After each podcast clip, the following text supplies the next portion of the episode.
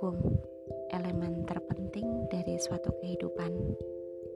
Yang menjadi masalah, hukum terdengar kaku dan berat. Buku-buku identik dengan banyak meluangkan waktu dan butuh kesabaran untuk menyelesaikan beratus-ratus halaman. Dalam podcast Bicara Santai, aku bakal bahas hukum dan buku-buku yang mulanya serius menjadi hal yang santai dan rileks.